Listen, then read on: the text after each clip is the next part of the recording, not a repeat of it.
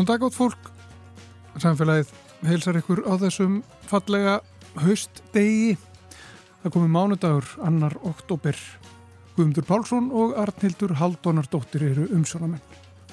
Það er nú framundan hjá okkur í dag. Við byrjum á lífræðilegum fjölbreytileika. Hann á allstaðar undir höggasækja og hnygnun tegunda er bæði hröð og ókveikjandi.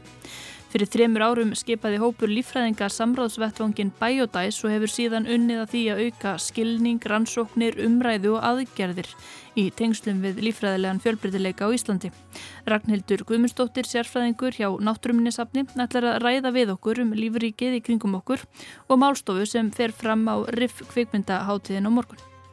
Frettir af 14 tonna trukki sem tættu upp land í þjórsarverum hafa vakið mikla aðtegli. En það sláandi myndir sem við sáum að því í sjómasfrettum í gær. Daniel Freyr Jónsson, sérfræðingur í náttúruvendarteimi umhverjastofnunar, sagði í hátdeisfrettum að ferðamæðurinn hafi ekki ekið utan vegar. Þarna séu slóðar. En axturslagan sé þó langt frá því að vera til fyrirmyndar. En hvenar er slóði slóði og hvenar ekur fólk utan vegar? Við ætlum að ræða nánar við Daniel á eftir.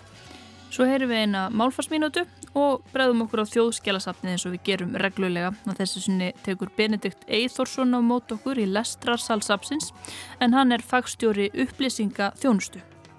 Við byrjum á lífræðilegum fjölbreytileika.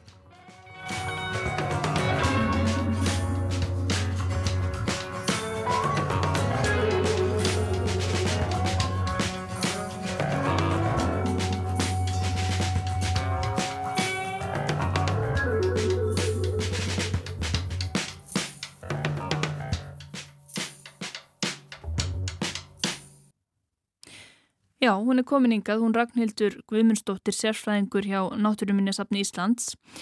Uh, Ragnhildur, ef við bara byrjum á því að reyna átt okkur aðeins á því hver staðan er þegar kemur að lífræðilegum fjölbreytileika. Því að ég svona velti fyrir mig til dæmis bara, sko við erum, við erum virðust rosalega hrifin af dýrum og lífrikinu, náttúrinni, við erum endalust að segja börnunum okkar sögur af einhverjum Eh, dýrum, fílum og hljöpörðum og, og þessu öllu. Eh, og ímyndin svolítið sem, a, sem að við höfum mörg kannski að það sé allt bara í góðu lægi og allt eins og það var og, og, en svo er veruleikin kannski annara og mikið af lífinu og dýrunum og lífríkinu bara ávirkilega undir högg að sækja Já, mitt. Uh, takk fyrir að bjóða mér annars hérna í viðtal til ykkar til að tala með þessi mikilvægu málefni. En þetta er mitt, eitt af því sem að saminuðtöðunar hafi verið að setja á uh, oddin núna undafarið og það er að sagt, við þurfum að vekja aðtekli á mikilvægi lífærælar fjölbreytning, hvað þýðir þetta er nú verið fyrir okkur? Og bara ef við byrjum aðeins á hugtækinu sjálfu, hvað þýðir þetta? Þú myndist á tegundir og það er vissulega einn hluti af þessu hugtæki en alls ekki öll sagan heldur skiptir líka máli að hugsa um vistkerfin, þau eru partur af lífræðilegu fjölbreytninni og svo innan tegunda breytileikin. Þannig að vist, uh, hérna, lífræðileg fjölbreytni fjallar um alla þessa þætti og þeir þurfa að vera í lægi bara svo að við getum uh, starfað uh, sem einhild hérna, og, og við sem mannkynni reyðum okkur auðvitað bara algjörlega á náttúruna með allt sem við gerum. Þannig að það skiptir okkur gríðarlega miklu máli að náttúran fá að starfa þannig að hún þjóni uh, sjálfu sér og okkur sem best.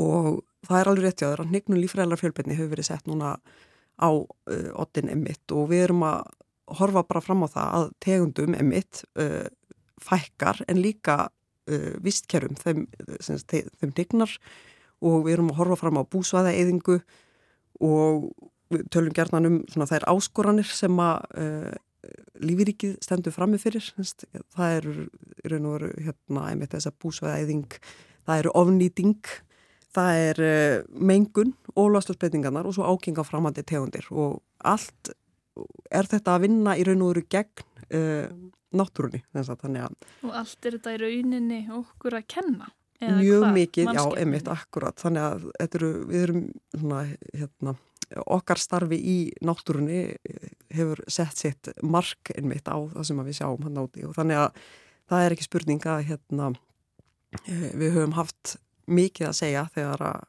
kemur að hnignun lífræðilega fjölbreytni og berum mikla ábyrð þarna. En við getum líka snúið við blæðinu og það er það sem við viljum endilega gera og Biodice uh, sem er samráðsvettvangur, þessu nefndir í upphafi uh, einstaklingastofnana uh, á fyrirtæki sem að vilja stuðla að bara aukinni vindavakningu um mikilvægi lífræðilega fjölbreytni.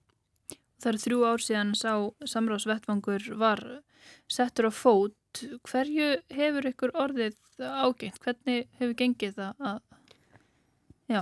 Það má eiginlega segja núna að við séum í um, svona... Uh, svona vitundar vakningafasanum við erum semst að viljum vekja aðtekli uh, almenning sérstaklega og allra á mikilvægi uh, hugdagsins og hvaða þýðingu þetta hefur. Og við vísindafólki við erum uh, mjög góði að tala við annað vísindafólk og gerum það ágætlega og að ráðstætnum og með málþingum og svo framvegs og erendum en þetta mál er bara svo mikið stærra þannig að við þurfum bara að ná að ná eirum almennings. Þannig að uh, partur af svona þessi, þessari vitundarvakningar herrferð hjá okkur er semst að uh, uh, hátíð lífræðilega fjölbyrni sem við settum í lofti núna í janúar þessu ári og, og verður í gangi núna út árið.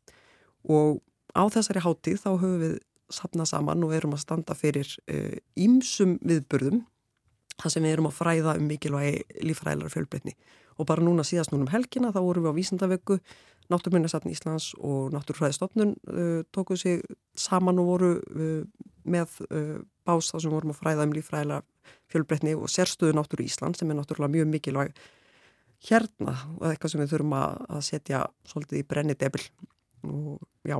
Og hver er hún þegar kemur að lífræðari fjölbreytni? Hvað er það svona við Ísland sem ykkur sérstakka aðtegli? Þetta er frábær spurning að því að, og, og eins og við vonum að ræða á þann að þá emitt er þetta ekki bara spurning um tegundir og það er vissulega ekki sérstafa náttúru Íslands, það er ekki fjöldi tegunda og það er bara ótrúlega merkilegt samt að því að bara ef við hugsaum um uh, Ísland, við erum ung eldfjalla eiga lengst norður í Ballarhafi, það eru langt í meginlöndin og þetta hefur uh, bara sett marksett á það sem, uh, þá lífriki sem við sjáum hérna. Þannig að uh, sagt, uh, tegundunar hafa ekki haft mjög langan tíma til þess að koma til landsins. Það eru að nefna land svona eftir að Ísaldajökullin hopar sem er fyrir 10-12.000 árum síðan.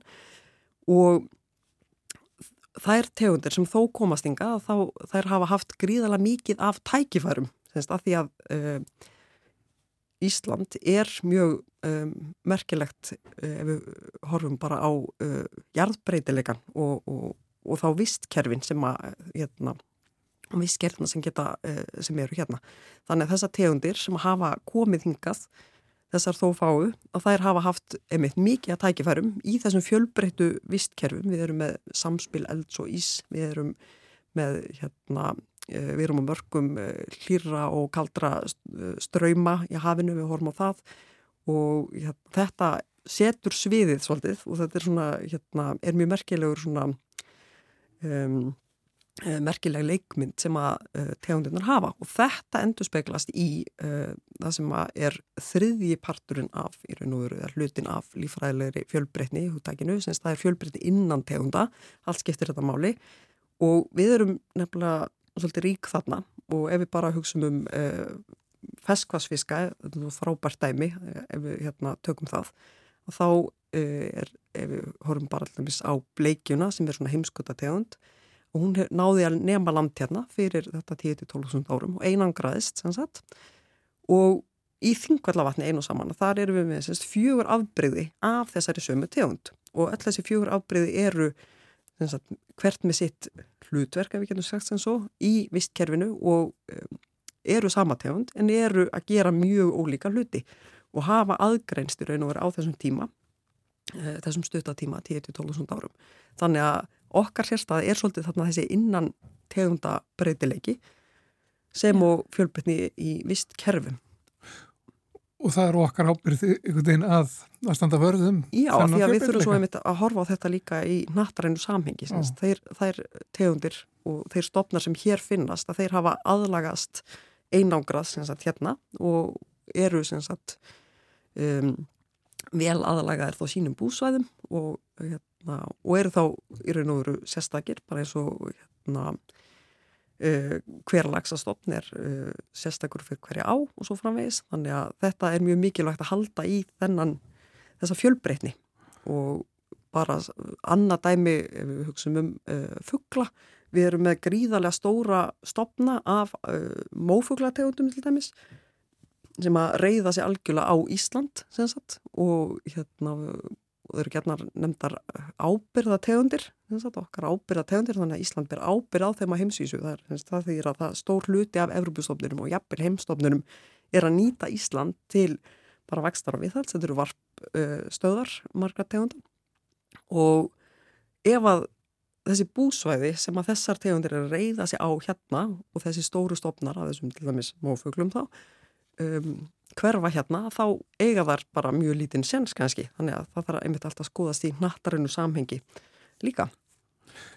Að því þú segir áðan sko það er hægt að snúa við blæðinu Já, við viljum nú gerðan hérna, Það hlýtur að vera meira hátar átæk þá. Sko það sem að þarf til í raun og veru og saminuð þjóðnar hafa verið að einmitt benda á og eru með ákall um í raun og veru. Það er að mannkynni þarf í raun og veru bara að snúa viðhórum sínum við uh, til náttúrunar og við þurfum bara að uh, vinna markvist í því og myna, við mannkynni við erum mjög úrraða góð, við getum fundið upp alls konar lausnir. Þannig ég törra alltaf að trúa því að við getum gert eitthvað í þessum málum, ekki spurning.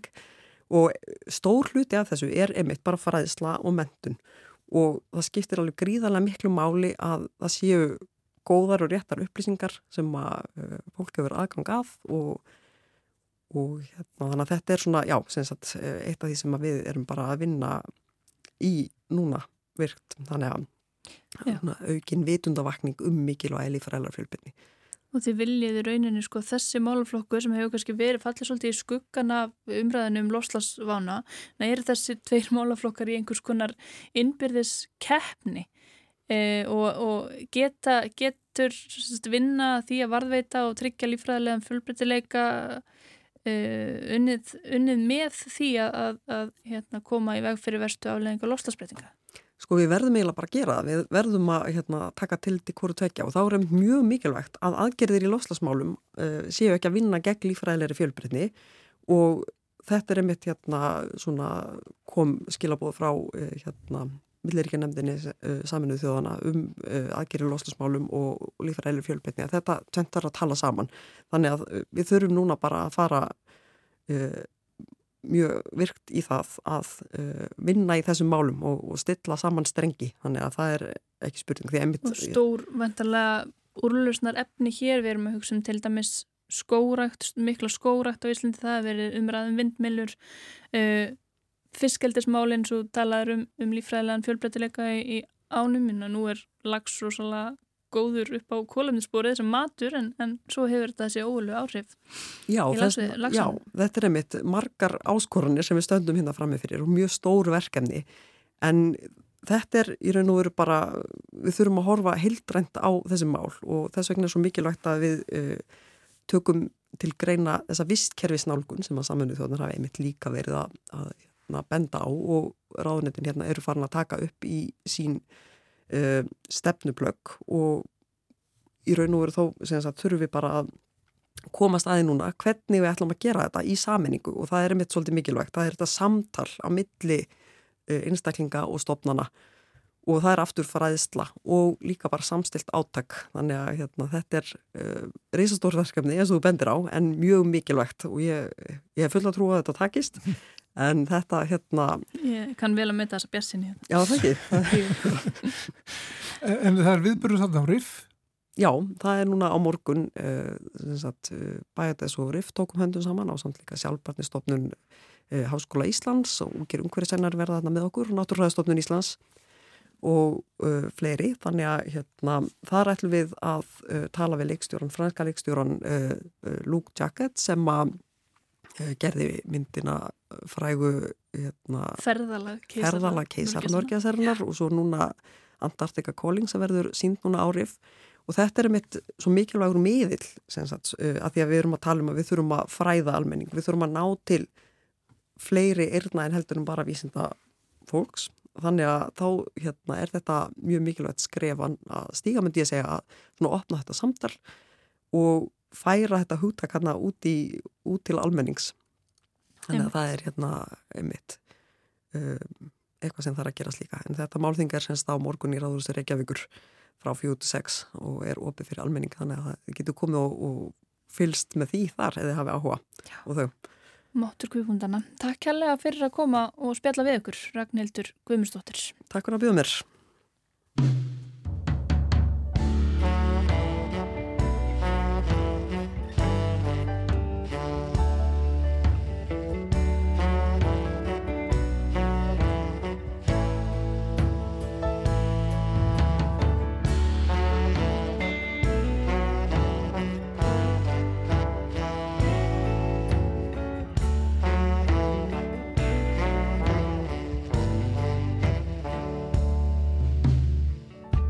Sumur dagar þeir eru bara svona.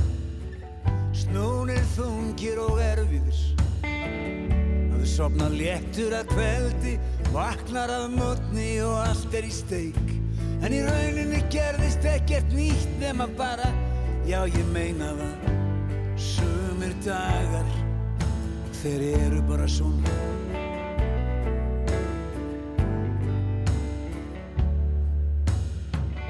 Þeir koma alltaf jafn óvænt og þeir detta bara á eins og veðrið.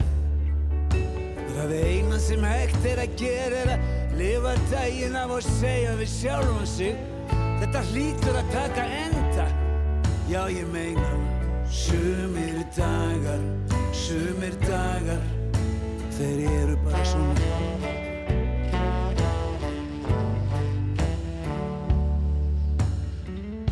Það er best að taka engar ákvarðanir þegar þessir dagar eigi hlut. Því þeir eru ósangjarni og ekkert gengur upp hvort sem er. Það eina sem hægt er að gera er að býða þá af sér.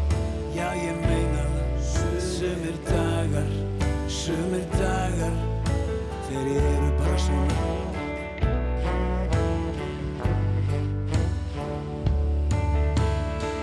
Þeir koma stundum frýr í röð. Hvað hef ég gert til að eiga þá skilu En ég fann að þekkja þá. Þeir byrja gráir og enda kólsvartir Það er algjör tíma eðsla berjast við þá. Já ég meina Sumir dagar, sumir dagar Þeir eru bara svona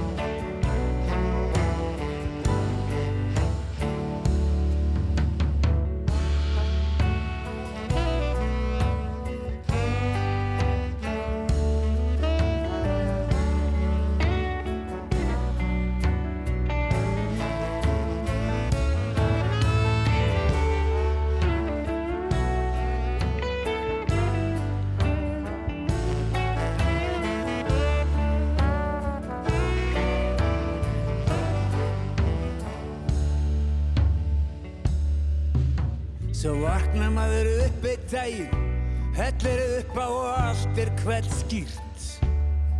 Það er ekki ský á lofti og allt eins og það á að vera. Og þá er nú eins gott að njóta dagsins, það gengur hvortið er allt upp. Sumir dagar, sumir dagar, þeir eru bara svona. Sumir dagar, sumir dagar, þeir eru bara svona.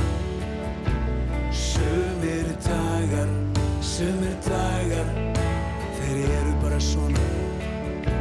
Sumir dagar, sumir dagar. Þeir eru bara svona.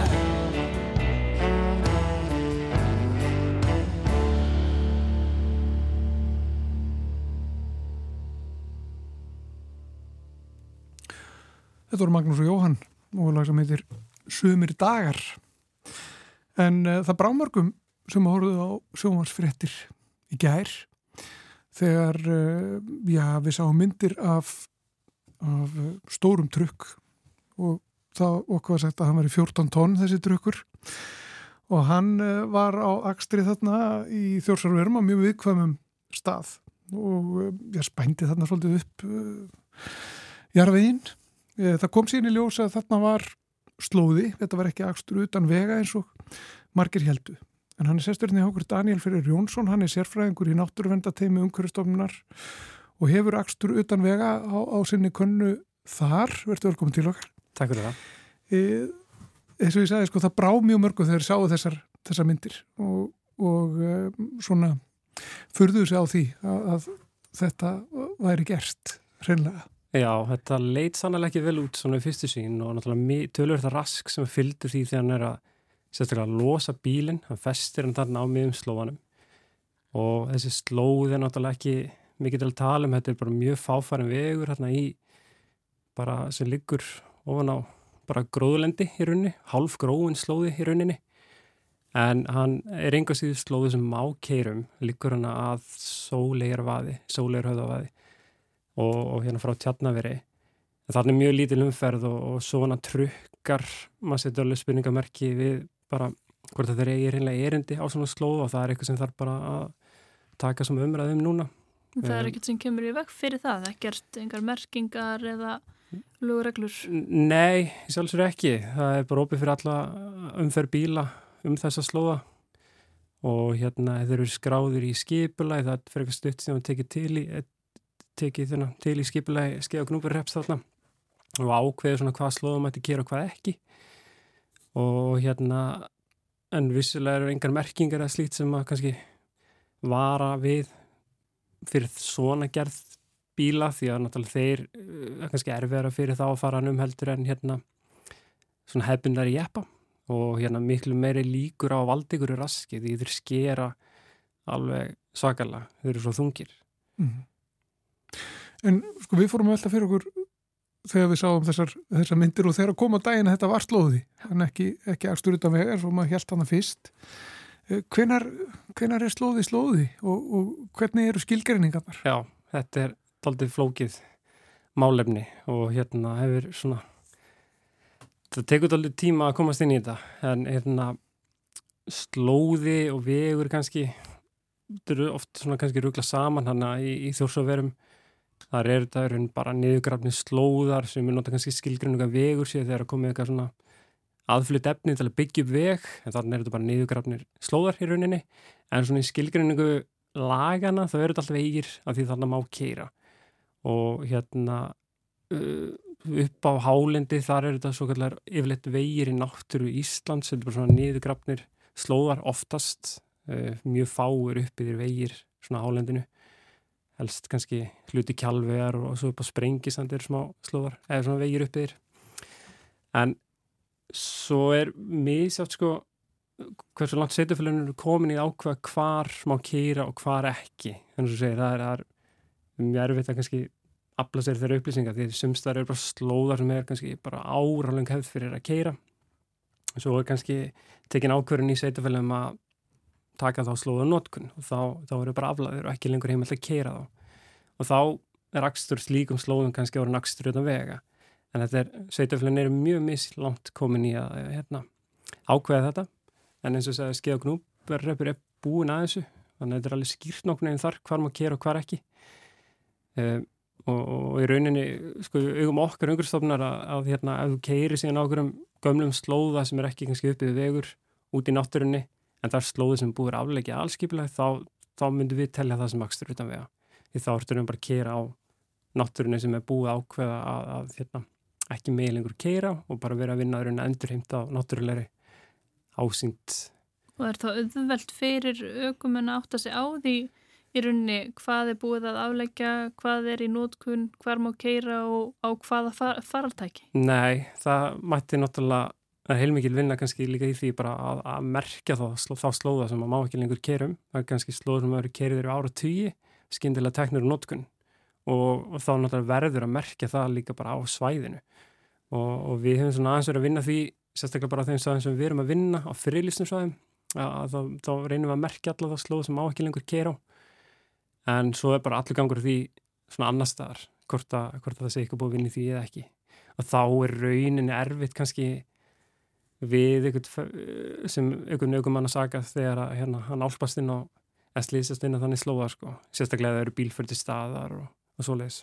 Það er ekki bara þetta að færa þetta til náttúrulegs, fyrir að náttúrulegs horfs. Já, já, eða ekki, þetta er bara sendin jarfiður eftir í hvað það er.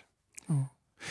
En sko það, það er samt, maður veldi fyrir sér sko samt hvenar, hvenar er orðið að slóða vegslóða, sko, það eru tróðningar sumstaðar, það eru kindagötur, þekkju við Já, uh, og svo framvegis, sko, eða ég menna er nóg að séu hjólfur einhvern veginn og þá, þá getur mann hugsað sem svo, já, hér er slóði. Já, þannig byrjar þetta oft. Þannig myndast slóði gjarnan og, við erum oftur eiga við það að, að utanvakstur verður að ekkur bara svona hefð þegar ykkur einn hefur kyrtar og það fylgir bara hjörðin í kjölfari. Því það eru komin för, það eru komin fordæmi.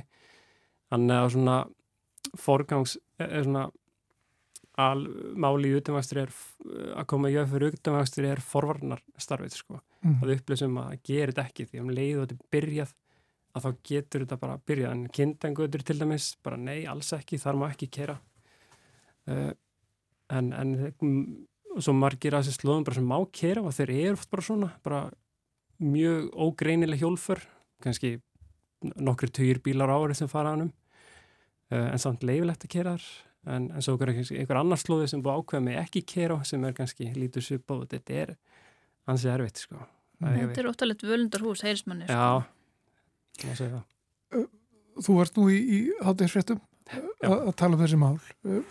Og maður veldi fyrir sér sko með, með takmarkanir á svona á svona slóðum. Er hægt að setja ykkur, ykkur takmörk? Er þetta að segja, að segja þingri bílar en þetta eða svona ákveðin, ákveðina tegundur og aukvöldtækjum megi ekki fara inn á svona slóða til dæmis sem er á svona viðkvæmum stað eins og, og þjórsöverum. Þá ætti að vera frekar frekar auðvilt að gera það uh, en það eru líka bara margir slóðar sem eru nú þegar með takmarkari notkun og, og til dæmis bara svæði sem ég þekki mjög vel en á fjallabæki að þar eru ákveðina leiðir inn í lammanlögar og inn í lammanhelli og svona sem ákeirum en svo eru þetta alveg mikið af svona gömlum smala slóðum og slóðum sem eru nýttið til rannsókna svona, sem eru svona ekki opnur fyrir almennum ferð en þeir eru skilgrendir, þeir eru á setjafællaskipulagi sem veir með takmarkari notkun. Og, og eins og í þjórsöfurum sko, það er bara fælt í full tilhörn til að skoða þetta, sérstaklega þar varandi þá þingdar, eh, þingd bíla eða auksulþingd eða eitthvað líka því að hérna, það er augljóslega þessi vegir, sérstaklega þessi vegur sem hann var að keira um hann var náttúrulega bara skemdur fyrir eh, maður sér það á myndbandinu. Hann keirir inn og bara handóniðan slóða í raunin, niður grafin og skurðóttan þannig að þarna er eitthvað sem við þurfum klálega að fara að skoða held ég bara að taka upp einhvers konar frekara takmarkanir. Mm -hmm. Og aðeins að þessum manni og talandum slóða myndur segja að hann hafi verið slóði? Var hann sko í órétti var hann að gera eitthvað ránt af því að hann mátti keiraðna en svo er hann á þessum bíl sem að já, ég er auðvitað hendar ekki í þessum aðstæðum. Já, nei, það er erfitt að segja að hann hafi gert eitthvað rámt sko varandi utanvakstur því hann, hann allan það sem ég sé þetta nú mikið myndin mig og ekki komist yfir allt. Og, og um, en það sem ég sé allavega, þá er hann nú bara inn á slóðunum, hann rétt kannski snegir fann með slóðunum þegar hann er búin að losa sig á einu stað og fer upp á upp fyrir slóðan með fram honum nokkra metra en þá gerða hann dróðs og snirtil og laði planka undir bílinn til að lámarka raski sem að kannski ekki allir hefur gert en hérna nei, ég, sem sem líti við sko það að sagja, það þurfti náttúrulega bara bæt úr þessu og kannski bara komið vekk fyrir svona bílar séu yfir höfuð að fara inn á þessa slóða. Því mm. þetta er ekki eini slóðun sem er þessi ástandi á íþjórsöfurum. Mm. En maður ímyndi sér líka svona bíl tilgangur með að koma með hann til landsins sé einmitt að komast í svona hasar og, og geta byrtmyndir að því á samfélagsmiðlum til dæmis. Akkurát, þetta er líka. Þarna kannski snýst þetta pínum að búið til content, sko, og mm. einhvers konar efni. Það er festan viljandi bara til þess að geta búið til flott YouTube Nei, ég trú því nú ekki, sko, en ef maður horfður um innbandi þá er þetta alveg nokkuð heiðalegt, held ég. Hann bara mm. festi sig þannig og, og sagan er þannig held ég að hann, hann fer þannig inn að slóða svo bara kemst hann í ógöngur sko og hérna erfitt að snúa við þegar, mm. þegar út í það er komið þetta eru niðugrafni slóðar og hérna erfitt aðtána sig Já, ég myndi að við skulum ljúka þessu svona. Eh, Daniel Freyr Jónsson, sérfræðingur í náttúruvendatimi umhverjastofnunar eh, Takk fyrir komuna Takk fyrir. Takk. The long and winding road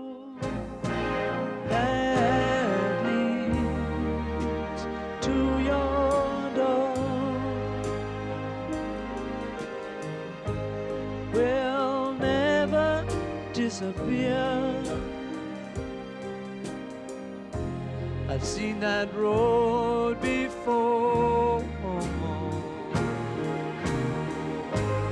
It always leads me here. Lead me to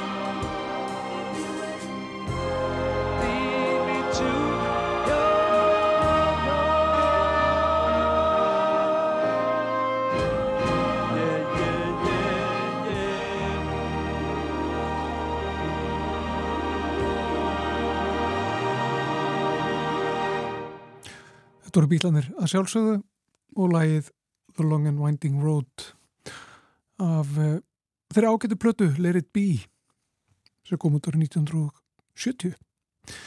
Við menn eftir að heimsækja þjóðskjálasafnið gerum það hér eftir smá stund en fyrst heyrum við eina málfarsminútu.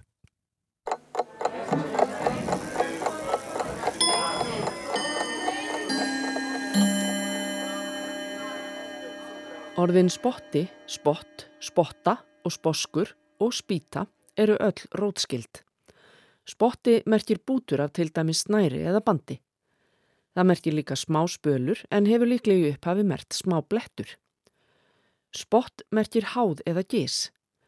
Orðasambandið að hafa einhvern að háði og spotti er því tvítekning á sama aðtæfinu. Að spotta er að hæða einhvern eða hæðast að einhverjum og sposkur merkir háðskur.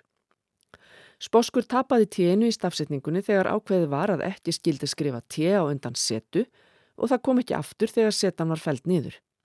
Í orðsifjabókinni er spott upphaflega talið merkja spýting, það að spýta, sem sé ráki og að hrækja, sem getur verið gert í hánungarskinni. Öll þessi samstofna orð fela þannig í sér sameinlega þætti, þótt hvert þeirra hafi sína eigin sjálfstæðu merkingu.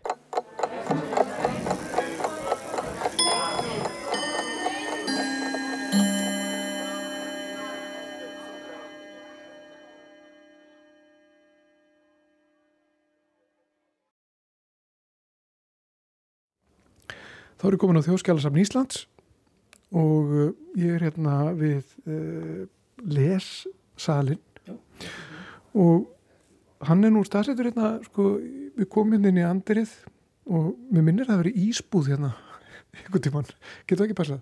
Jú, jú, það var, var ísbúðhenningar á það.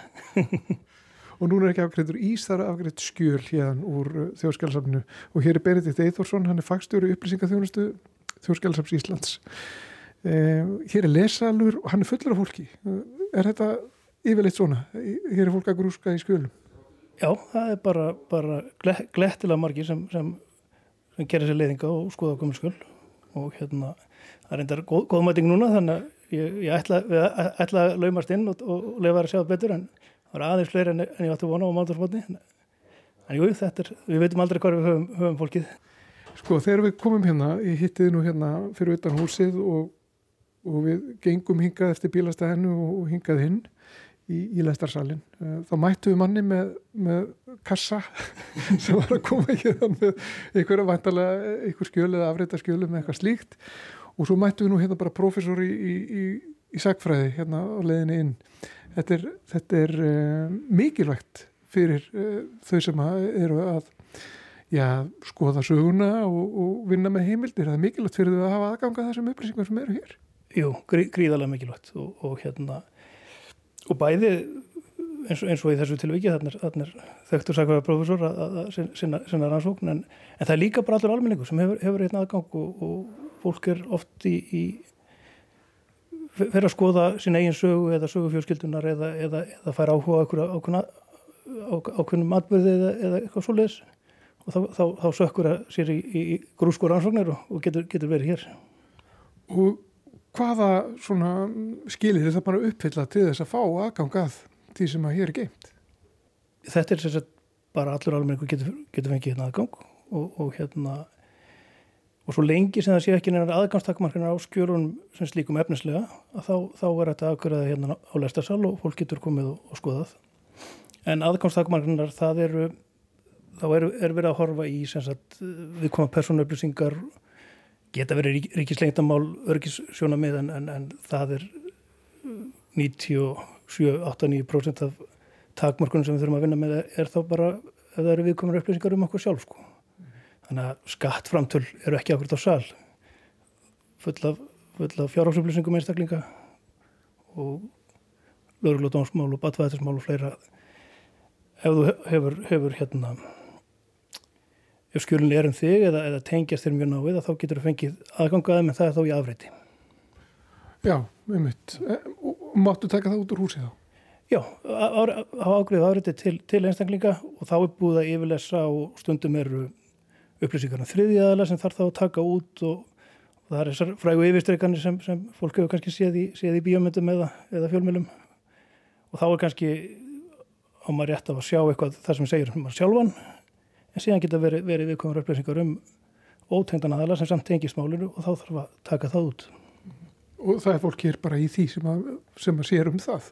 Já, já, við, við í upplýsingarþjónustin þetta er hlut, hlut af því sem við gerum. Það er, lestrasalurinn er svona kannski potturinn og pannan í okkar, okkar starfsemi en, en, en mestur kraftur eða, eða tíminn hjá okkur fer í, í þessar þingri ákvæmslu þar sem þarf að vega á metta og yfirfara skjöld um, það gilda, það eru tímatakmark líka, það ekki? Það er ákveðin árafjöldi sem að mm -hmm. já, það gilda reglur um ákveðin skjöl og það er ákveðin tími sem þarf að líða þanga til uh, þau eru gerða gengileg. Jú, mikið rétt.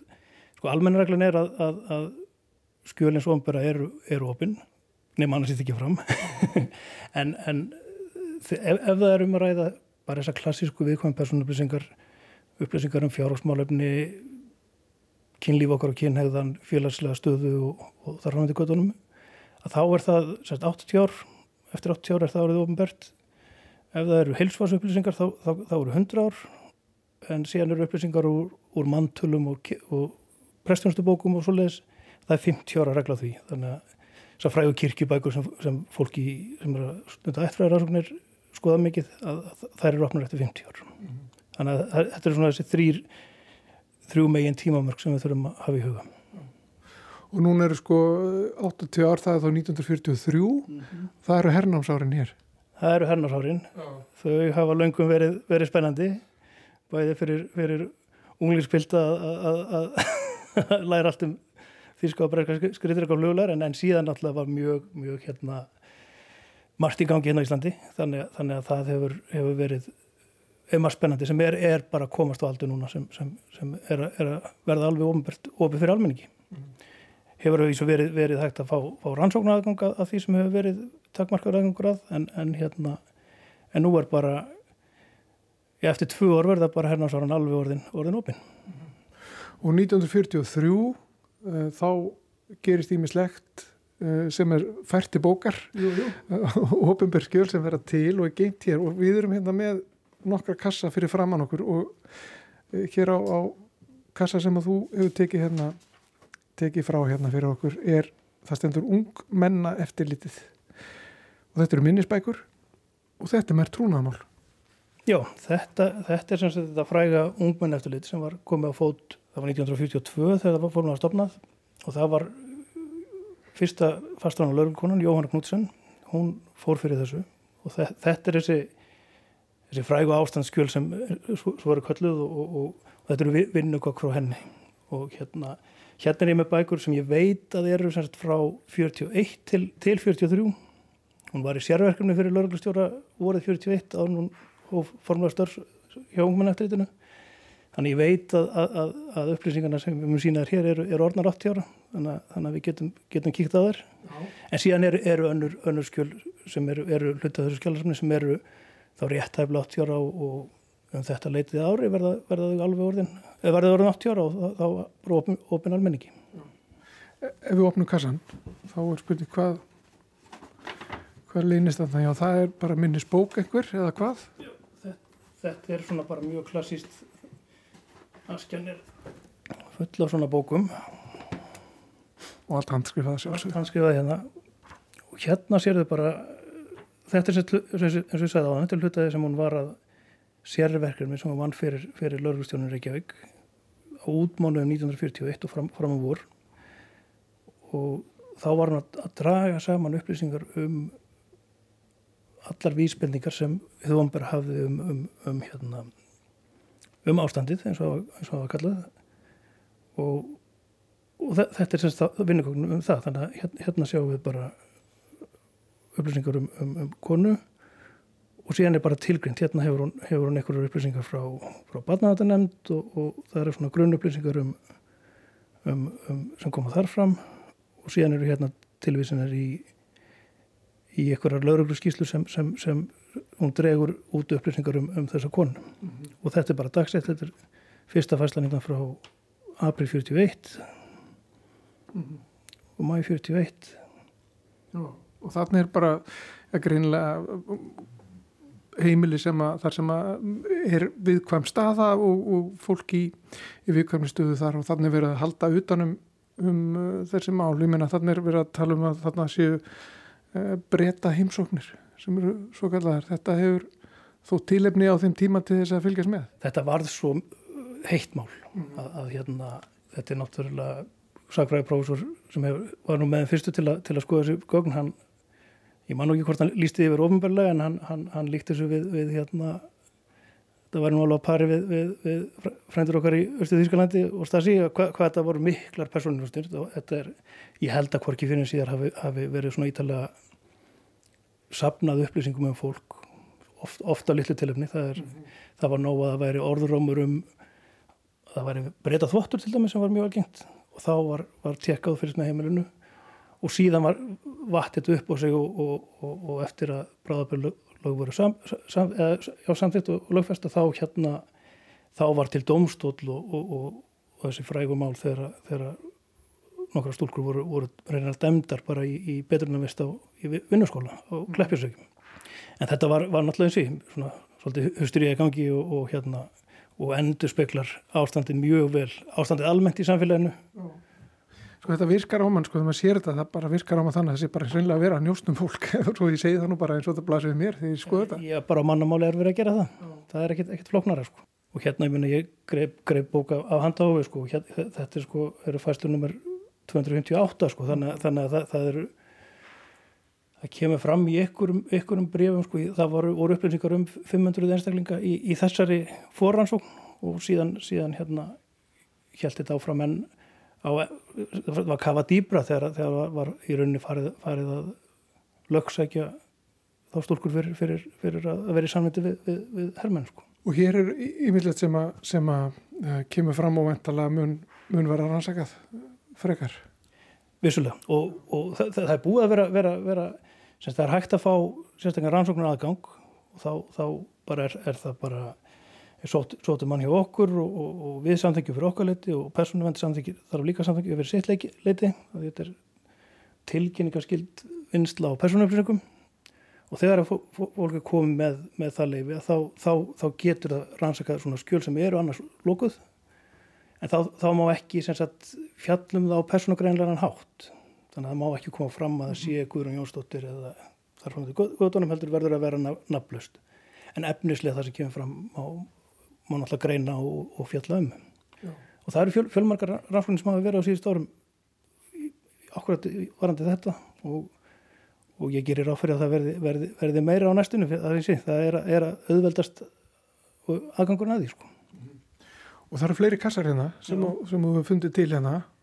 Hér er til dæmis eh, Sakadómur Reykjavíkur. Þetta er flokkað sem þetta eru barnfarnismál þetta er frá þessum tíma líka Ég tók, tók nú þetta fram að því að, að, því að þetta er, segið, þetta er orðið, orðið 83 ára gamalt en þetta er svona dæmi um svona klassísk skjöl með aðkvæmstakamarkanir sem er ekki hægt að fá á lestarsal en fólk sem tengir smálinu leitar reglulega til okkur og, til að fá, fá upplýsingar mm -hmm. frægt dæmi eru náttúrulega bara þessi börn sem hérna eiga erlenda feður semst úr frá hennarsvarunum og, og það var náttúrulega minkað í, í, í setni tíð en, en, en, en kemur allt annarslega þá er, er annarkvört það fólki eða afkomdu þeirra að leita upprunnas og þá, þá liggja þessi skjölátt fyrir. En auðvitað komið börn undir hjá í, í sambundum Íslandika líka og þetta, þetta er, þetta er svoleið, bara dæmiger svoleiðis dæmiger svoleiðis mál. Það fór bara fram dómsrannsókn þannig að þetta er bara eins og eins og hverjarnu málskjöli í, í, í dómsmáli. Og síðan er, er, er bara reynda reynda komast að því, fólk er kallað, kallað til vittnis og gefur vittnisspurðum um, um þeirra samlífi og samniti á, á getnaða tíma þar á mjöndi guttunum og síðan er, er, sagt, er úrskurða hvort, hvort að næga samnum sé fyrir því að við komum til myndubáðsfæðir sé, sé réttu fæðir og, og almennt, almennt er þetta er klassist, þetta er um kynhæðan og kynlif okkar þannig þannig að þetta, er, þetta er loka fyrir almenning. En, en ef þú ert viðkomandi batn eða, eða batnabatn sem nátengdur þessu, þessu máli mm -hmm. að þá, þá er okkur heimilt að fara í gegnum þetta og afgriða stærstan hluta. Þegar að dómarinn fara að spurja óþægilega mikið um samlífið á getnatíma þá tökum við það út okkur varðar ekki það mikið um kynlegu fólk okkar að við viljum vita hversu oft og hvar og hvenar mm -hmm. það er, er nóg fyrir okkur að vita við séum við séum ávakstur samlífisins ah. og, og þessi mál eru sko hérna bara fyrsta mál sem sjáum hérna það er, það er basfæðarsmál og það er kona sem að uh, höfðarmál gegn uh, manni sem að þá vantarlega hefur ekki gengist við því að vera fæði bars. Já, það, það, þá var það þannig. E, ef, ef, ef, ef að meinti basfjörur gengust við því þá, þá var ekki fæðarnins viðurkenning og meðlagsúrskurur síðan á grundvöldi þess. En ef þeir, þeir gengust ekki við því þá, þá var í rauninni bara svona lítið dómsmál sem var fór í gang og, og hérna og þessi, þessi, þessi skjöl er öll komið lingað á endanum. Já, það er nánast í hverju mánuði sem veru með eitt svona mál í gangi mm. og, og, og þetta er bara, bara hérna, fyrir, fyrir fólk sem er að, er að leita uppröðunars og, og reyna átt að segja á, á, okkur sem var að gerast fyrir 50, 60, 70 árum og jafnvel aðeins lengur að þá, þá var þetta gríðalega mikilvægt að, að geta leita í þetta. Og síðan getur náttúrulega verið í þekki dæmið að, að það hafi verið, verið svona mál hafi verið skoðuð aftur ykkurum 60 ánum síðar að því að þá er ykkur vafið um hvort ykkur sé réttur erfingi og fleira. Þá þarf að skoða þessi skjöl og síðan fara í ykkur DNA og svona það getur náttúrulega bara skipt fólk, fólki mik miklu varðandi, varðandi hvort aðrunum sé að deilast á þrjá eða fjórakanta og eitthvað svolítið sko. Og svo er fólk náttúrulega rétt á að þekka upprunni sinn. Já, já, fyrst, fyrst og fremst. Það, fyrst og fremst er það það sko. Og þetta eru viðkvæm mál. Þetta eru, þetta eru mjög viðkvæmur upplýsingar sem þið geymið hér. Já, já, já, já og, og, og hérna og þó maður kannski ta tala um þetta fjálglega hérna við í útarpi að þetta eru bara okkar viðkomastum mál. Sem við viljum ekkert að séu, séu á, á veru augum, augum allra þannig að það er bara umgengist þetta af, af, af, af þeirri virðingu og, og, og, og réttum prótokollum í kringu það mm. þannig að, þannig að við, við erum, erum nokkur sem, sem, sem sjáum um þessi mál hérna og síðan þetta er ekkit að fara neitt meira og, hérna þó að síðan tefla 50 manns að vinna hérna þá, þá eru tveið því skjálafrið sem, sem sinna þessu og það fer ekkit út fyrir þann hóp en síðan, síðan eins og ég segi, hérna erum við mál frá 1940 þannig að þegar þetta er orðið 80 ára þá bara samkvæmt lögum er þetta orðið ombert þannig að strántilteki mætt, mættu við setja þessu öskju hérna inn á sal og, og hver sem er mætti, mætti koma og fletta og skoða. Já. Og það, það er þessi 80 ára regla? Það er 80 ára regla. Já. Svo er einn kassi viðbútt sem að við kannski getum sjá, hann er þungur þessi kassi. Já, já. Sér sjá að vera þungur. Já. Þetta, þetta er aftur hérna þetta eru skjöl frá Kleppjarsvíkjum. Já. Mástu, ég kom, talaði um það áðan hérna varðandi að þegar að sagt, ungmenna eftirlitið og ungmenna dómstólinn var sett á fót hérna 42 þá, þá hérna þá var fyrir að dæma nokkra stúlkur ég, ég, ég nú séð, séð út þetta ég man ekki það er kringum, kringum 20 stúlkur sem voru dæmdar til vistar á klæfisaukjum mm -hmm. Og hérna er í rauninni þetta er bara svona dagbók. Dagbókur heimirislífi vinnuskóla á klæfisaukjum mm -hmm. og hérna er bara fyrsta fæslan lögadaginn 21. november 1942 heimili starfaði bara í tæft ár. Það var sem sagt í haustið 43 þá, þá var það lægt niður. Þannig að allar upplýsingarna í þessar bóku eru orðnar réttur um 80 ára þannig að, þannig að mér er í fullkomlega heimilt að sína þér hérna þó, þó við séum ekki með myndalina en, en, en, en þetta, þetta er sem sagt eru, eru ekki lengur, lengur aðgáðstakmarkir á þessum upplýsingum og hérna er bara fært í bókar hvaða, hvaða stúlku koma hérna fyrst og, og, og hvernig, hvernig lífið gekk fyrir sig, þetta er semst er þá fórstuðu koran sem, sem heldur þessa bók -hmm. og, já.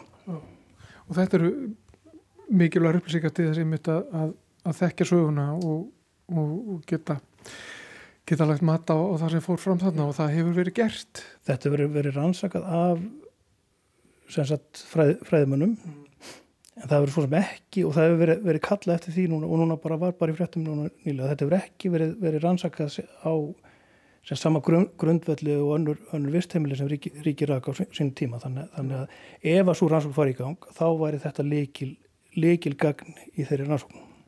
Og það voru svona skjöl sem voru alg, algjörlega leikil gagn í rannsókn, eða, já, í, rannsóknum vistheimilinandar varandi Breðavík og, og önnur heimili. Þannig að og þetta er vitaskuld uh, skrifað af uh, aðeila máls sem að og, og eitt sjónarhótt náttúrulega bara sem við sjáum þannig.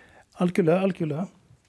En það sem er áhugavert við, við, við, við ákveður þetta mál að það var, það eru til bref frá stúrkonum sem voru á Kleppinsvíkjum eru voru með, það var, var starfsmæður, ég held að það hafi verið hálfustaraf hjá Badnavöndur Reykjavíkur og hálfustaraf hjá Badnavöndur Ráði sem var svona, svo var yfir hafði yfirum sjá með barnavendamálum og hann var í rauninni svona hálfgerðu tengiliður vissmann að mynda heit í dag. Og, og hérna og þau, þau, þau, þau skil eru líka, líka varðvægt hérna. Og þar eru, eru bregð þar sem þær eru að lýsa sinnu upplifun byggjanum að græja eitthvað fyrir síðan vantar, vantar efni til að sem þessu kjól og eitthvað svona.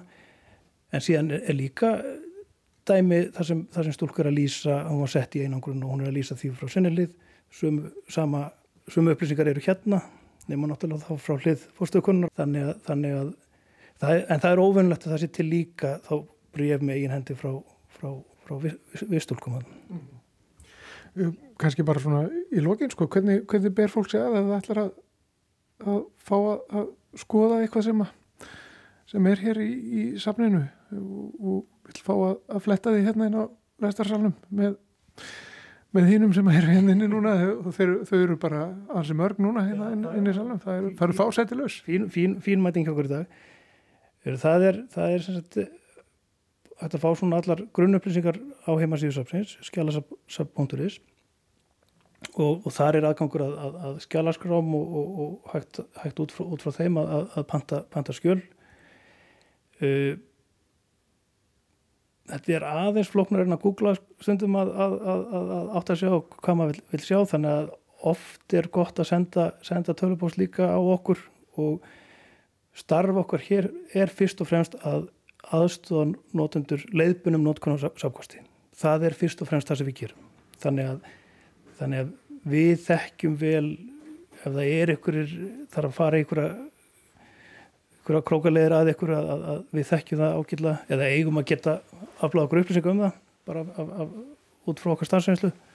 Þann, þannig að oft, oft er bara best að senda okkur fyrirspurn. Við erum með símatíma líka þrjusverði viku fólk ringir ótt og, og, og, og fær svona grunnupplýsingar þar sendir síðan post í framhaldinu og síðan hjálpu við því að, að, að velja, velja það sem er líklegast til, að, til árangus og síðan tökum við bara boltan þaðan. Oft, oft, er, oft er þetta eins og að flýsja lauk að maður, maður byrjar og síðan rekst maður eitthvað annað og þá þarf að, þá þarf að elda það.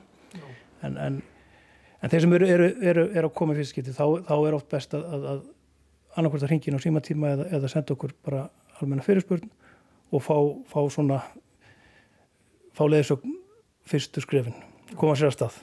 Já. Takk fyrir þetta Benedikt Eithórsson um, fagstjóri upplýsingaþjónustu Þjóðskjálfsams Íslands uh, Takk fyrir að taka mót okkur hérna í í uh, móttökunni fyrir, fyrir uh, Lestrasal Þjóðskjálfsams sem áður var ísbúð og ég er ekki frá því þetta séu sömu flýsatar að voru hérna þegar ég var að koma inn þessi bann. Það er bara mikið rétt, þetta eru sömu, sömu gamlu góðu flýsarnar. Ykkur ís sem hefur slest hérna á þessi gólf, vantalega. En takk hjálpa fyrir þetta. Já, bara takk sem leys. Já, og þannig ljúku við samfélaginu, þennan mánudaginn.